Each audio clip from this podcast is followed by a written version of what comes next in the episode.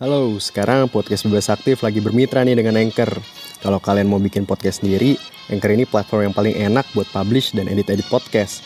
Apalagi Anchor ini 100% gratis. Lo dengerin podcast Bebas Aktif di Spotify juga karena Anchor punya fitur distribusi podcast ke Spotify dan platform-platform lainnya. Jadi, sekarang adalah waktu paling pas buat lo download Anchor dan bikin podcast lo sendiri.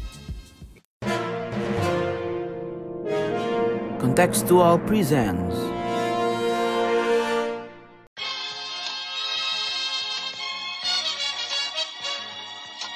伟大、光荣、正确的中国共产党万岁！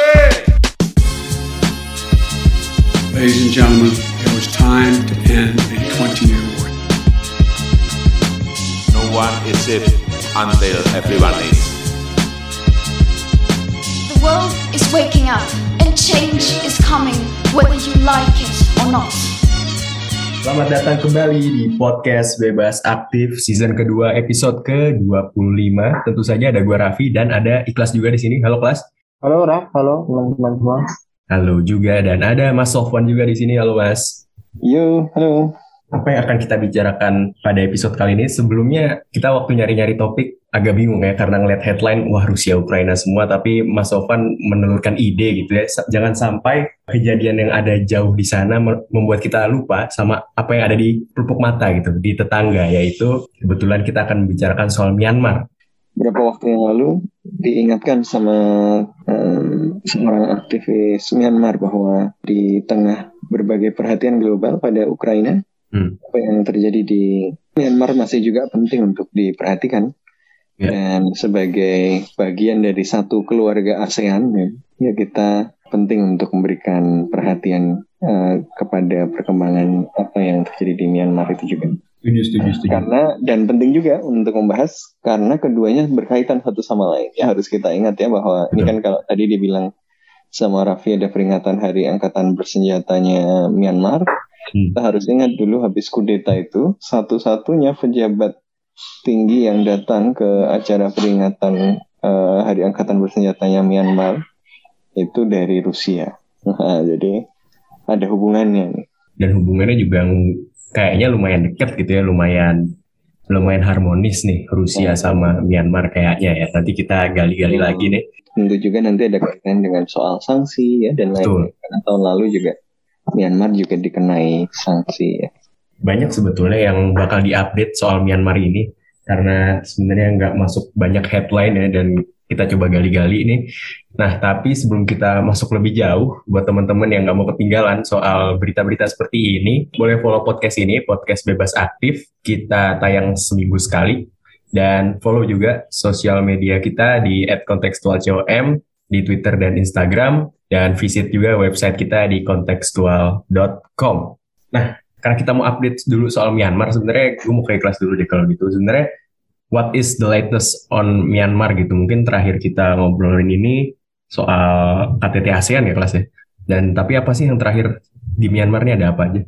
Oke, jadi banyak nggak banyak ya update Myanmar. Sebenarnya kalau dideskripsikan secara umum kondisi Myanmar eh, nggak banyak perubahan, tapi dalam artian buruk gitu dari eh, mungkin terakhir kita kabarin. Perang sipil lah ya, istilahnya kalau kita lihat sekarang itu semakin mengintensifikasi antara eh, faksi Tatmadaw atau faksi eh, junta militer sekarang dengan berbagai eh, faksi di dalam Myanmar itu sendiri. Yang ada berbasis etnis, ada National Unity Government dan juga lain-lain sebagainya yang memang sudah resolute ya sudah memang sepakat untuk kemudian mengangkat senjata untuk eh, melawan eh, junta militer ini gitu kan. dan itu masih terus berlangsung hingga sekarang.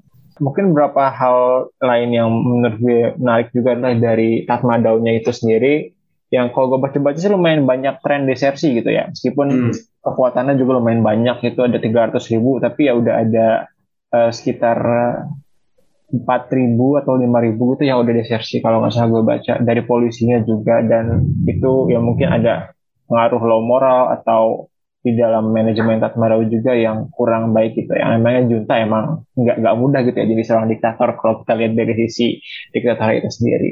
Selain karena eh, kondisinya juga sekarang kan nggak eh, apa ya kalau di Myanmar itu etnis mayoritasnya Bamar namanya tapi itu nggak cuman dia doang yang jadi etnis penguasanya tapi juga ada etnis-etnis lain eh, etnis etnis Bamar juga yang kemudian menjadi oposisi gitu loh. Jadi mungkin politik etnis juga ikut mempengaruhi gitu. Dan tentunya masih banyak uh, ribuan orang gitu sekitar 9 ribuan orang yang ditahan dan juga uh, ribuan lainnya yang sudah menjadi korban jiwa gitu akibat uh, perang yang sedang berlangsung. Dan kemudian di level ASEAN dalam beberapa minggu ini juga ada perkembangan baru gitu ya. Ini ASEAN Envoy akhirnya bisa uh, masuk ke Myanmar dan kemudian bertemu gitu kan dengan uh, petinggi-petinggi juta militer dan mencoba membicarakan ya sesuatu yang udah dirumuskan dari lama sebenarnya tapi tidak kunjung diterapkan yaitu uh, ASEAN Five Point Consensus gitu kan yang ya lima poin yang kemudian coba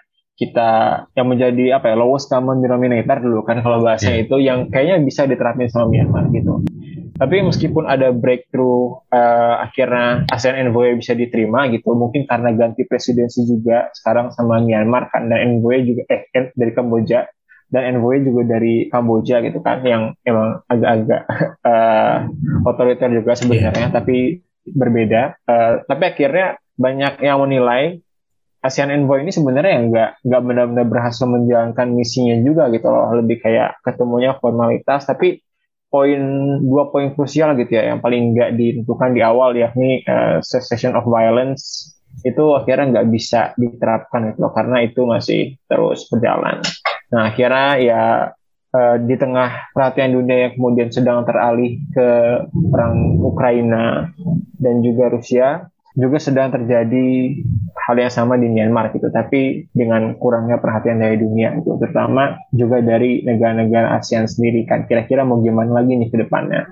Di uh, hari ulang tahun Angkatan Bersenjata Myanmar itu hari ini ya, Minggu 27 Maret, pemimpin junta militer Myanmar Min, Min Aung itu mengatakan bahwa Tatmadaw tak mau lagi mempertimbangkan negosiasi dengan kelompok teroris alias oposisi dan penentang kudeta dan pendukung mereka karena membunuh orang yang tak bersalah dan akan menghabisi mereka hingga akhir. Ini sepertinya tren di Myanmar dari terakhir kita ngobrol soal ini nggak membaik gitu mas. Kalau mas Sofan lihatnya gimana? Trennya apakah justru memburuk dan semakin lama semakin sulit lah untuk untuk mengubah kondisi kondisi di Myanmar so far? Ya, kalau kita lihat kecenderungannya memang mengkhawatirkan ya, karena ya. Uh, mau bagaimanapun uh, ini konflik yang sifatnya asimetris ya, kan hmm. uh, militer itu nggak tiba-tiba kudeta ya, uh, tapi justru yang dikudeta itu adalah pemerintahan sipil yang masih rentan dan masih berbagi kekuatan juga dengan junta militer sebenarnya dalam periode yang dibayangkan sebagai periode transisi demokrasi. Jadi memang infrastruktur kekerasan yaitu tentara, polisi gitu ya, itu dikuasai oleh uh, militer, oleh junta. Nah, cuma memang yang uh, penting untuk juga diingat adalah bahwa oposisinya kali ini itu lebih solid ya dan lebih beragam karena uh, dalam periode transisi demokrasi itu kan kebanyakan mereka adalah pendukung Aung San Suu Kyi ya, ya. Uh, yang juga uh, kemudian terkonsolidasi secara politik ditambah lagi dengan kelompok-kelompok yang nanti kemudian mendapatkan dukungan dari kelompok-kelompok uh, separatis ya kalau dulu ya yang uh, apa kemudian mereka bersepakat ya untuk membentuk sebuah uh, Myanmar yang baru yang memberikan ruang lebih luas ya menghentikan diskriminasi pada kelompok-kelompok etnis minoritas yang selama ini uh, merasa didiskriminasi jadi mereka melawan gitu ya. Jadi ini kemudian membuka apa babak baru gitu.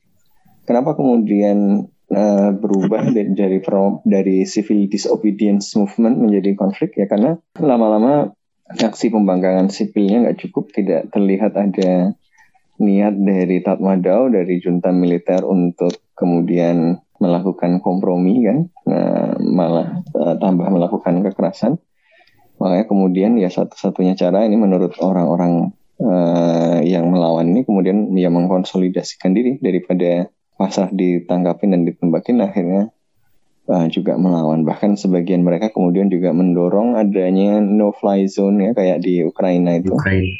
Uh, dan uh, menuntut responsibility to protect ya, intervensi. Cuma kayaknya uh, rasanya sulit juga gitu ya. Karena itu hmm. memang konfliknya masih terus berkembang.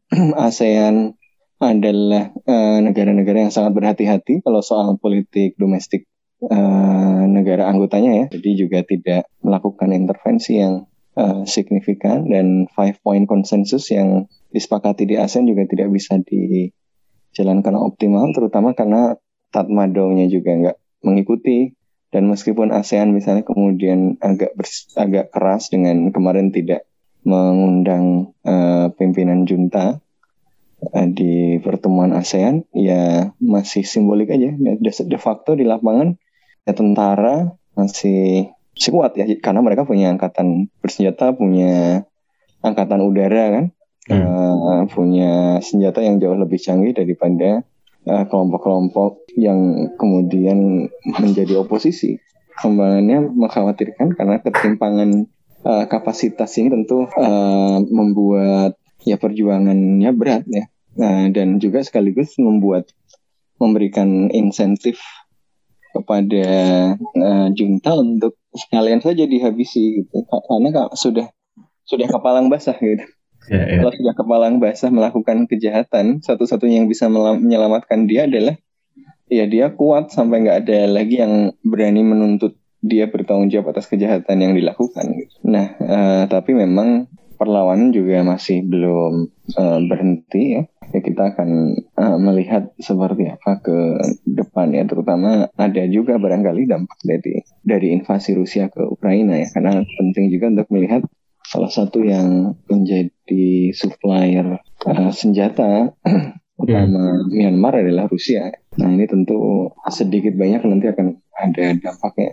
Bicara senjata sebetulnya kebetulan kemarin ini rekaman hari Minggu kemarin itu hari Sabtu tanggal 26 Amerika, UK dan Kanada eh, memberlakukan berbagai seperangkat sanksi untuk Myanmar gitu yang berfokus pada pejabat-pejabat militernya termasuk bisnis perdagangan senjata yang ada di Myanmar untuk mengisolasi militernya mungkin ya tujuannya dari ketiga negara barat tersebut. Nah, gue ke ikhlas dulu. Sebenarnya upaya sejauh ini mungkin selain ASEAN gitu ya, upaya-upaya untuk mengubah kondisi di Myanmar dari komunitas internasional, apakah eh, sudah proporsional, Mas? Maksudnya kalau ngelihat dari tren yang diceritain Mas Sofwan, kayaknya belum merubah apa-apa gitu. Ya, eh, kalau pemberian sanksi sih gue yakin udah ada memang ya kemarin baru ditambah lagi eh, sanksi tambahan dari US, UK sama Kanada ya kalau nggak salah.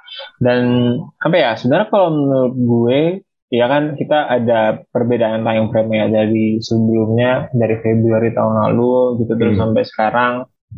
Kalau kondisinya kan sekarang yang jelas ya kita lagi eh, distracted nih lah istilahnya eh, sama invasi di eh, Rusia dan Ukraina, eh invasi Rusia ke Ukraina bukan berarti kayak misalnya satu konflik lebih penting daripada yang lain, nggak kayak eh, konflik di mana pun membutuhkan perhatian gitu kan, equally so. Tapi kemudian ya ada beberapa faktor yang ada lebih high significance ya. Of course Rusia kan ya great powers dan kemudian menjadi permasalahan bagi seluruh eh, negara Eropa lainnya gitu kan. Sementara Myanmar kayaknya over time ya semakin sedikit gitu kan perhatiannya yang dikasih gitu bahkan oleh negara-negara tangga sendiri itu negara-negara ASEAN. Ya pada akhirnya kalau Myanmar junta ya terus kenapa gitu kan? Mungkin bagi beberapa orang, bagi beberapa negara gitu ya, especially kan ada mungkin beberapa kecenderungan negara di ASEAN kayak yang ya udahlah gitu kan. Eh, emang kondisinya kayak gitu toh negara ASEAN juga nggak semua demokratis eh, dan susah juga kemudian untuk merumuskan eh, konsensus sebenarnya mau apa lagi gitu selain five point konsensus di level ASEAN kalau di dunia internasional not much sih meskipun eh, gue nggak meninjau semuanya juga selain yang eh, proaktif untuk memberikan sanksi gitu. Eh, dari barat meskipun eh, little to no effect sebenarnya eh, kecuali menghentikan suplai senjata gitu ya. Tapi suplai senjata juga yang kita lihat tadi masih banyak dari Rusia dari Cina gitu kan. Dari Serbia juga katanya tapi udah mau di eh, stop. Jadi masih ada kemudian ya cara-cara bagi rezim ini untuk survive di tengah perhatian dunia lagi teralihkan juga gitu loh dan uh, kondisinya masih nggak tahu lagi selain ya kayaknya bakal berlanjut lagi kayak gitu. Tadi Mas Sofwan juga sempat bilang bahwa sebetulnya eh, Myanmar dan Rusia ini punya punya relationship yang yang lumayan lumayan dekat gitu atau mungkin sangat dekat gitu ya. Eh, bahkan di upacara perayaan ulang tahunnya Angkatan Bersenjata Myanmar Rusia itu eh, tamu kehormatan gitu eh, istilahnya kalau di sana gitu. Nah, kalau kita melihat apa yang terjadi di di Eropa Timur sana, invasi Rusia ke Ukraina, sebenarnya efek-efek apa sebetulnya yang signi- signifikan dari itu terhadap terhadap apa yang terjadi di Myanmar, Mas? Yang paling jelas adalah masyarakat Myanmar, masyarakat terutama eh, yang melawan junta ya, kelompok-kelompok oposisi terutama Hmm. Eh, misalnya teman apa orang-orang NUG ya, National Unity eh, Government, mereka melihat bahwa ada paralel antara perjuangan Ukraina dengan perjuangan eh, mereka sendiri. Misalnya eh, ketika terjadi eh, invasi Rusia ini, eh, representatif eh, tetap wakil tetap Myanmar yang dulu dari yang yang dulu dikirim Myanmar tapi kemudian membelot ke National Unity Government dan masih di sana ini ikut menyponsori eh, General Assembly Resolution yang kemarin itu loh yang Oh iya iya. mengutuk Rusia. Nah, jadi NUG ini National Unity Government ini berharap untuk memanfaatkan momentum eh, internasional bahwa oh, invasi itu jelek loh, kejahatan ini jelek loh gitu ya, dan harus dilawan bersama-sama dan ya kemudian menempatkan diri sebagai dalam posisi yang sama seperti Ukraina. Jadi eh, NUG mencoba me- memanfaatkan momentum ini Eh, termasuk dengan loh, kalau eh, menghadapi musuh yang sama nih. Ini sama-sama demokrasi sedang diserang gitu kan? Sama-sama pemerintah yang sah yang berdaulat sedang diserang. Karena itu boleh juga dong kami minta senjata dan dukungan material kira-kira gitu. Iya iya iya. walaupun rasa- ya tentu nggak sama persis ya sehingga juga dukungan juga eh, apa kita tidak melihat misalnya supply eh, bantuan senjata gitu. Karena agak agak lebih rumit kalau di Myanmar nanti. Kalau ada bantuan senjata di situ yang bereaksi Cina kan hmm, akan lebih serius gitu ya. Karena sejauh ini Cina sendiri belum terlibat langsung kan di Myanmar tapi juga eh, ada harapan dari eh, kelompok-kelompok oposisi yang sekarang jelas berada dalam posisi yang underdog ya karena senjata mereka jelas jauh lebih kecil gitu kan. Jadi di segi kapasitas militer kapasitas material penguasaan internet ini benar-benar timpang eh, dikuasai oleh junta militer kan. Karena itu un- supaya mereka bisa bertahan ya satu-satunya kan meng- mengubah perimbangan kekuatan itu ya satu tadi mencoba memanfaatkan momentum dukungan pada Ukraina dengan eh kita juga boleh dong gitu ya eh, dapat eh, dukungan yang seperti itu juga gitu. Eh, kemudian yang kedua ya ada harapan bahwa sanksi-sanksi terhadap Rusia yang sangat besar itu bisa berdampak kepada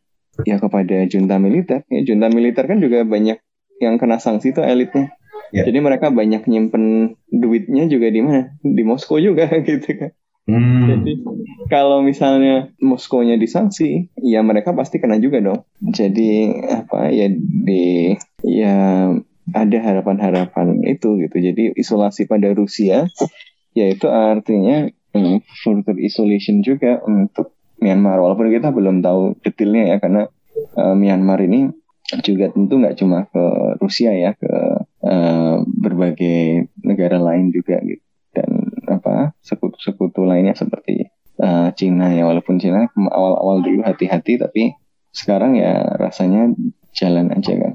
Apa hubungannya juga nggak memberi sanksi pada si apa junta. Nah jadi itu yang kedua adalah harapan atau prediksi bahwa sanksi yang makin besar kepada Rusia akan juga berdampak kepada eh, kekuatan dari junta militer. Ya, jadi eh, ini juga disadari ya oleh eh, junta militer ya. Junta militer kan menunjukkan walaupun misalnya nggak terang-terangan mendukung Rusia, junta militer jelas posisinya apa ya tidak mengatakan bahwa Ukraina apa eh, semata-mata korban gitu. Jadi dia juga menyebutkan bahwa eh, ya Ukraina juga bertanggung jawab atas konflik ini gitu.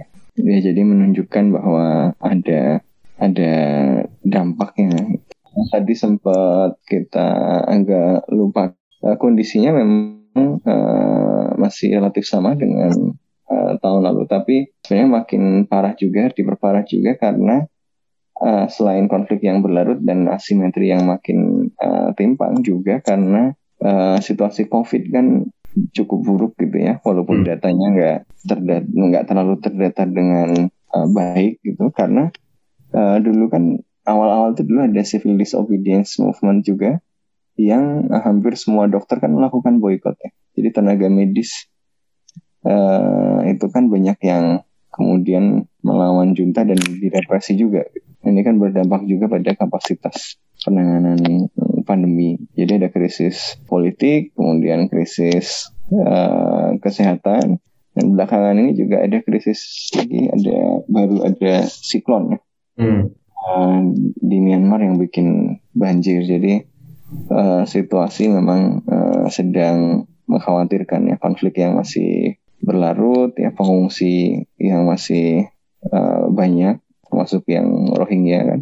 Kemudian uh, COVID situasi COVID dan juga uh, banjir karena siklon Halo, sekarang podcast Bebas Aktif lagi bermitra nih dengan Anchor.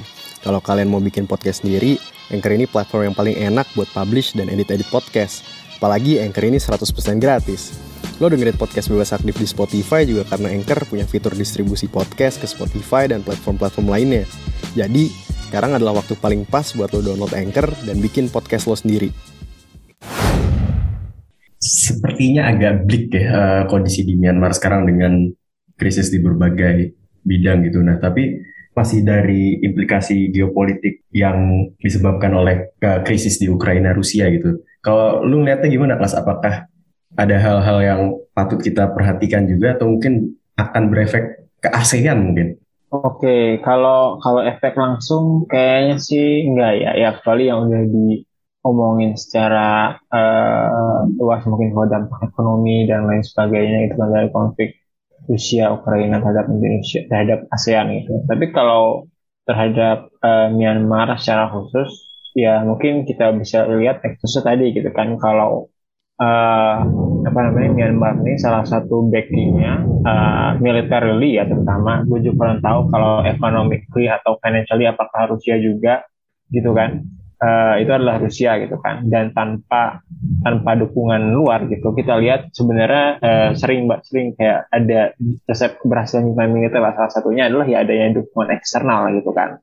Mungkin dulu uh, ada banyak junta militer yang uh, agak ke kanan kananan di era perang dingin. Ada ya karena support Amerika Serikat salah satunya. Dan sekarang juga masih ada junta Myanmar bisa bertahan di tengah keadaan ekonomi, keadaan sosial yang lagi ancur-ancuran karena adanya ya eh, patronase juga gitu lah. Dari negara-negara yang lebih besar. Dan semakin dalam jatuh Rusia ke dalam krisis atau mungkin Cina juga kondisinya juga sedang tidak baik-baik saja sekarang ya maka akan semakin sulit gitu kan buat Myanmar eh, khususnya junta militer gitu untuk kemudian tetap mempertahankan kekuasaannya.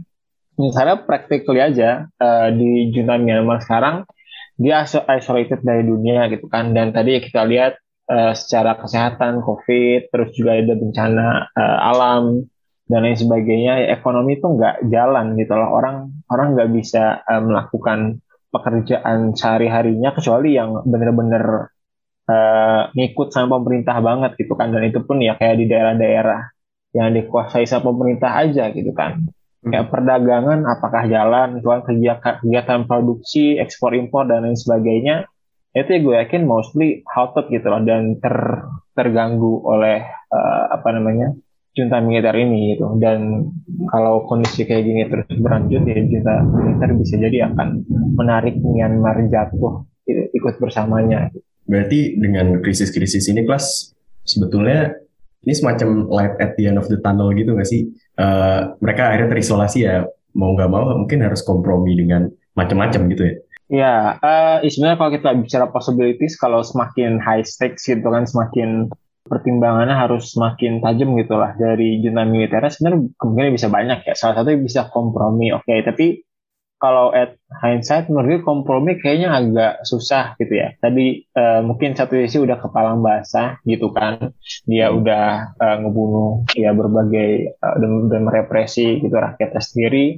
Kalau kompromi kira-kira mau jadi apa gitu. Tapi kalau nggak kompromi juga nanti bisa-bisa eh jatuh jatuh juga jutanya gitu kan malu-maluin buat mereka sendiri uh, atau ya bisa jadi jadi lebih nekat lagi mungkin malah jadi ya nauzubillah itu kan jadi pemain hmm. atau apa gue gue juga nggak bisa say for sure tapi uh, higher stakes ya lebih lebih risky lagi sebenarnya jadi kayak lebih banyak uncertainty kira-kira cara apa yang bakal diambil dipilih sama jenderal militer gitu loh karena kan hmm. orientasi utamanya tetap ya survival rezim mereka gitu kan survival juntanya strateginya dari oposisi adalah menggunakan frame Ukraina Rusia ini untuk mendorong sanksi yang lebih keras kepada uh, junta militer mm-hmm. dan dukungan militer uh, dan dukungan yang lebih serius untuk untuk NUG ya. Jadi NUG itu kan sudah lama minta misalnya pengakuan uh, terhadap pemerintah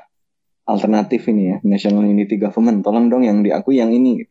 Mm-hmm. Nah, karena EU dan Amerika Serikat ini sementara masih uh, masih apa ya me mengikuti ASEAN. Jadi biarinlah ini kan di kawasannya ASEAN. Kalau saya taruh campur tangan terlalu dalam dan ngelit di sini, nanti malah nggak enak sama ASEAN gitu. Nanti ngelangkain ASEAN, kemudian me mengubah per perimbangan perimbangan dan dinamika di kawasan, kemudian memancing uh, Cina misalnya itu kan mengkhawatirkan. Jadi so far dengan apa kondisi yang sekarang kan Uni Eropa dan Amerika Serikat masih eh, kira-kira membiarkan ASEAN take the lead gitu dalam isu Myanmar kan. Tapi dengan kondisi seperti ini, kita melihat ada upaya dari oposisi dari NUG untuk membawa frame yang uh, jadi frame konflik eksistensialnya Barat melawan kekuatan otoritarian lah kira-kira gitu. Uh Messi. Dan ya jadi di frame-nya diubah ini bukan urusan ASEAN ini urusan uh, apa ya? Ya mempertahankan uh, demokrasi dari ancaman uh, kekuatan otoriter. Bahkan kemarin kalau kita lihat dalam pertemuan dengan EU itu aktivis-aktivis Myanmar itu bahkan menyebut uh, junta militer Myanmar itu uh, min uh, pemimpinnya Min Aung Hlaing itu Min Aung Hyang ya uh, itu sebagai bonekanya Putin di Asia gitu. Jadi sengaja banget bahasanya bahasanya dipilih bahwa eh ini tuh sama gitu ya. Uh, jadi apa ya menuntut uh, dukungan dan pengakuan misalnya formal pada uh, NUG kemudian ya mungkin berarti membuat leadershipnya ASEAN udahlah nggak nggak usah terlalu apa ya unggah-ungguh gitu ya. Uh, harus lebih berani dari ASEAN yang nggak terlalu berani misalnya ini kan pasti ada dampaknya di kawasan kan kalau EU atau Amerika Serikat kemudian menerima frame ini dan bertindak lebih aktif ya dan kemudian melampaui ASEAN. Nah ASEAN sendiri juga harus merespon dong masa iya sampai uh, soal ini harus orang lain yang bertindak lebih dulu gitu kan. Uh, makanya Kamboja juga aktif ya, uh, ya. walaupun masih belum berhasil karena Kamboja kan juga punya kedekatan pada Tiongkok, pada Myanmar. Jadi mungkin dia merasa cukup punya kedekatan untuk um, me meyakinkan junta bahwa ya ini harus segera diakhiri. Mungkin target lain yang diharapkan adalah ya peningkatan sanksi ya, seperti yang uh, kalau kita lihat sekarang uh, ternyata Barat itu ternyata bisa ngasih sanksi besar loh gitu kira-kira gitu si uh, orang-orang uh, oposisi ini. Bukan beda banget sama sanksi yang dikasih ke junta yang uh, loh, ternyata sanksi kayak gini itu masih nggak ada apa-apanya itu Rusia bisa disanksi lebih serius gitu.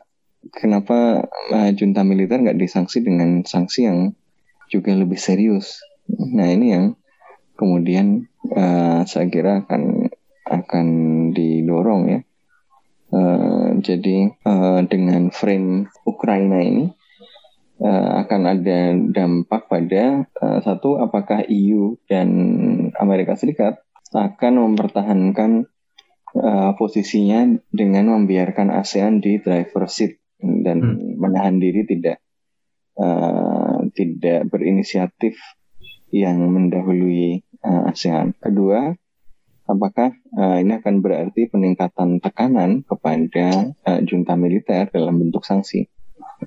Ternyata kemudian dunia melihat oh ternyata Barat bisa kok ngasih sanksi yang lebih serius gitu kepada uh, Rusia berarti harusnya pada Myanmar bisa juga dong. Gitu. Apalagi stake-nya nggak sebesar Rusia. Rusia aja kan kalau disanksi Eropa ikut rugi kan? Yeah. Rusia ikut turun gitu. Energinya tergantung dengan pengorbanan seperti itu saja Rusia, eh, Eropa mau berkorban. Masa untuk Myanmar yang bilateral trade-nya itu kecil banget gitu ya. ya kalau EU Ukraina itu uh, trade-nya 43 euro, 43 eh, miliar euro ya. Kalau sama Myanmar itu cuma 3,1 miliar euro. Jadi ya kecil sekali. Jadi sebenarnya kalau apa mau sanksi-sanksi ya Eropa juga nggak rugi-rugi amat gitu kan misalnya. Mereka juga nggak rugi-rugi nah ini yang kemudian apa mungkin akan akan terlihat ya. Seperti yang kemarin ada sanksi baru kan. Ya sekarang yeah. sampai sekarang itu kan baru pembekuan aset ya. Kemudian larangan perjalanan untuk apa, beberapa pejabat ya. Uh, Burma dan beberapa entitas Burma. Tapi kan masih sedikit sekali kalau dibandingkan dengan yang Rusia ya, karena itu uh, sanksi pada Rusia itu naikin bar. Eh ternyata bisa lebih tinggi lagi loh kira-kira. Gitu. Jadi hmm. wah bisa dinaikin lagi nih. Eh, pasti akan lebih kuat lagi permintaan untuk.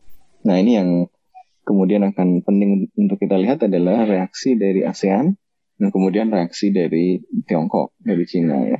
Sebenarnya kalau kita membandingin sama sanksi Eropa ke Rusia, kalau soal Myanmar ini kan Myanmar itu punya ketergantungan semacam ketergantungan ekonomi sama, sama Tiongkok gitu ya. Kalau semisal di Myanmar itu disanksi secara ekonomi oleh Barat gitu, bukankah justru ada bahaya untuk Cina akhirnya ngapa-ngapain gitu? Mas, uh, itu akan jadi masuk equationnya mereka, equationnya Barat. Exactly. Uh, dan menurut saya itu juga salah satu pertimbangannya kan. Hmm. Kalau sekarang masih relatif misalnya juntanya eh, nggak uh, jadi apa ya, walaupun pengaruh Cina kuat masih ada derajat independensi tertentu ya. Kalau semakin dia tergantung Cina hmm. semakin dominan gitu kan. Artinya malah Cina yang makin kuat ya, makin makin untung. Makin dan makin mengkhawatirkan buat Amerika Serikat dan buat uh, ya barat secara umum kan. Hmm. Makanya mereka juga hati-hati. Hmm. Hmm. Dan kalau mereka juga memberikan dukungan terlalu uh, eksplisit dan terlalu uh, kelihatan bisa dimaknai sebagai uh, ancaman juga kan oleh Cina gitu. Jadi ya malah apa bisa ya malah mereka kemudian merasa bahwa mungkin harus lebih hati-hati gitu. Ancamannya tidak seeksistensial di Ukraina buat mereka ya, buat yeah. Eropa atau buat Barat misalnya. Tapi risikonya ada juga uh, kemungkinan reaksi Tiongkok di situ. Nah ini yang kemudian uh, membuat mereka cenderung lebih berhati-hati di dalam kasus Myanmar ya dan membiarkan ujung tombak penyelesaian krisisnya itu di ASEAN. Ya, jadi hmm. bolanya dikasih ASEAN nih. Masalahnya ASEAN juga mau mengambil peran yang seperti apa ya. ASEAN pusing juga ini. Bicara soal ASEAN juga kelas. Kalau misalkan Myanmar sekarang lagi terisolasi juga dengan ada eh, krisis ya, Ukraina dan Rusia, apakah apakah ada kemungkinan ASEAN untuk karena bolanya sekarang ada di ASEAN ini apakah ada kemungkinan ASEAN dalam beberapa waktu ke depan akan melakukan sesuatu yang lebih jauh lagi ataukah ya akan selalu seperti ini gitu terus? Ya, kalau menurut gue ASEAN uh, ya dengan tidak dengan sebagian besar ASEAN tidak kemudian terlalu merespon konflik Rusia gitu ya, Rusia Ukraina, harusnya bisa lebih uh, melihat masa yang lebih dekat dengan lingkungan mereka kan yakni Myanmar. Tapi uh, menurut gue sih akan ada sesuatu ya. Uh, kayaknya akan sulit kalau lagi kalau ASEAN nggak ngapa-ngapain. Uh, karena tendensinya sekarang ya even though non interference dan segala macam yang udah mulai apa ya udah mulai obsolete ya mungkin. Meskipun belum bisa dibilang kayak gitu juga harus ada sesuatu. Tapi sesuatunya itu kayak gimana itu ya kemudian hard hard to guess gitu kan. Karena kemarin itu ya five point consensus itu udah bener-bener ya coba gitu loh dibikin sesuatu yang seminim mungkin, seimplementasi, eh, sebisa diimplementasikan mungkin. Jadi yang realistis kayak gitu itu tapi udah susah. Kemudian buat diterapin uh, gitu kan.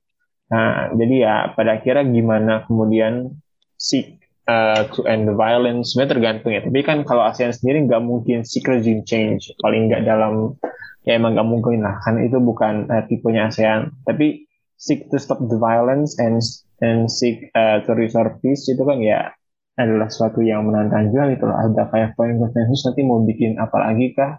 Atau mau pakai measure apa? Atau lagi-lagi nggak diundang di KTT? Jadi ya mesti kita lihat lagi ke depannya ASEAN apakah ada gestur-gestur lagi atau kesepakatan-kesepakatan lagi. Tapi whatever it is, kalau gue pribadi ya sebenarnya masih agak uh, pesimis gitu. Bisa ada lasting change dari ASEAN itu karena emang bukan karakternya buat take something bold gitu untuk kemudian mengadres uh, krisis Myanmar ini? Hmm, memang uh, skeptisisme tinggi ya tentang hmm. ASEAN karena karakter selalu uh, dan keberagaman negara di ASEAN itu sendiri kan, sehingga nggak bisa uh, tunggal gitu. Ada kelompok-kelompok negara yang ingin ASEAN bertindak lebih keras ya. Ada kelompok-kelompok yang uh, indifferent uh, ya karena mereka sendiri sistem politiknya juga nggak demokratis ya kan dan seterusnya tapi saya kira benang merah yang kemudian uh, bisa ditarik dan disepakati adalah tentu mereka sama-sama menolak kekerasan ya karena dengan uh, zaman sekarang di mana kekerasan terhadap masyarakat sipil dan seterusnya itu bisa disaksikan ke seluruh dunia. Itu ada tekanan moral ada ada shaming dan naming buat ASEAN juga kalau ASEAN nggak ngapa-ngapain hmm. jadi Uh, menurut saya tekanan bagi ASEAN untuk bertindak itu akan terus ada uh, dan bagaimana kemudian ASEAN merespon uh, dorongan untuk bertindak yang tidak serta merta dari luar tapi dari dalam negeri ini yang yeah. kemudian bisa membentuk uh, sikap ASEAN ya. Jadi bahwa ASEAN itu punya kecenderungan untuk tidak melakukan hal yang bold itu betul gitu, tapi kita harus ingat bahwa karakter itu tuh dibentuk oleh realitas sosial yang melingkupi mereka ketika ya ASEAN ada pada masa perang dingin, kemudian berada dalam uh, periode apa ketika uh, konsolidasi rezim dan pembangunan ekonomi itu dipandang sebagai prioritas gitu kan. Uh, tapi kan ada beberapa hal yang berubah hari ini uh, dan mungkin walaupun ini kemungkinan kecil gitu ya barangkali ada juga peran yang lebih aktif yang bisa dimainkan oleh ASEAN. Uh, selain ASEAN yang penting untuk dicatat juga adalah peran dari negara-negara uh, ya secara bilateral ya negara-negara anggota ASEAN lewat apa di balik layar gitu karena kadang-kadang hal yang tidak dipahami oleh Barat itu adalah kadang-kadang diplomasi loudspeaker itu nggak efektif karena yeah. mempermalukan orang gitu kan. Jahat-jahatnya orang gitu ya. Ada proses sosial yang dia misalnya lebih mau membuat dia berpikir. Mm-hmm. uh, dan kadang-kadang kalau modelnya stick and carrot saja nggak cukup. Kadang-kadang modelnya justru dengan apa ya dengan pendekatan yang uh, lebih lebih kuyup gitu. Nggak nggak diumumkan di depan publik gitu kalau kamu jahat gitu ya. Kalau udah dibilang kamu jahat berhenti gitu kan. Hmm. malah tambah gengsi mau berhenti gitu. Siapa tahu uh, dengan model pendekatan yang semacam ini bisa efektif. Sekarang memang uh, belum. Tapi ada negara-negara kayak Jepang yang penting juga investasinya di Myanmar uh, dan tentu saja ya ASEAN beberapa negara ASEAN kalau dia mau lebih aktif bisa mendorong backdoor channel ini uh, supaya stakeholder stakeholder itu bisa ketemu di titik kompromi. Selama nggak ada apa uh, upaya untuk mencapai apa uh, solusi politik ya uh, masih akan menjadi adu kekuatan dan dalam adu kekuatan yang asimetris agak sulit ya bagi kelompok-kelompok oposisi mungkin terakhir kali ya uh, ke ikhlas dulu tapi what's next buat Myanmar kelas dengan kondisi seperti ini dengan kondisi internasional yang sepertinya sedang tidak pasti ini Ya, what's next? Yang pertama kalau berangkat dari dunia internasional dan dari ASEAN, menurut gue kita harus pay more attention uh, dalam kondisi Myanmar, konflik Myanmar yang terus berlangsung.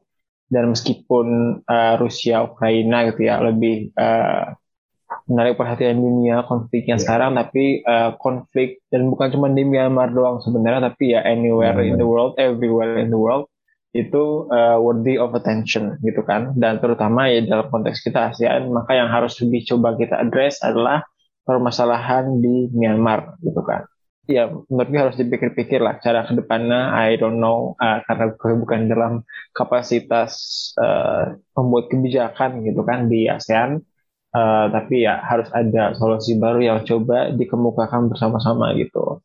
And ya hopefully paling enggak melihat dengan melihat kondisi ekonomi yang memburuk atau uh, sesuatu yang semakin mengancam rezimnya gitu ya, ya paling nggak Junta bisa menurunkan agresivitasnya gitu lah terhadap kelompok-kelompok lainnya dan juga kelompok-kelompok lainnya uh, dalam perang sipil di Myanmar gitu kan ya. Karena hmm. kalau ada kira pengen diinginkan regime change gitu kan yang ideal mungkin itu agak far fetch uh, at least for now jadi ya mungkin uh, satu sekali lagi yang bisa didorong itu adalah cessation of violence gitu kan gimana kemudian kedua buat kedua belah pihak yang banyak pihak kita kemudian bisa paling enggak uh, meringankan penderitaan rakyat Myanmar gitu untuk sekarang karena ya kondisinya sedang buruk-buruknya gitu.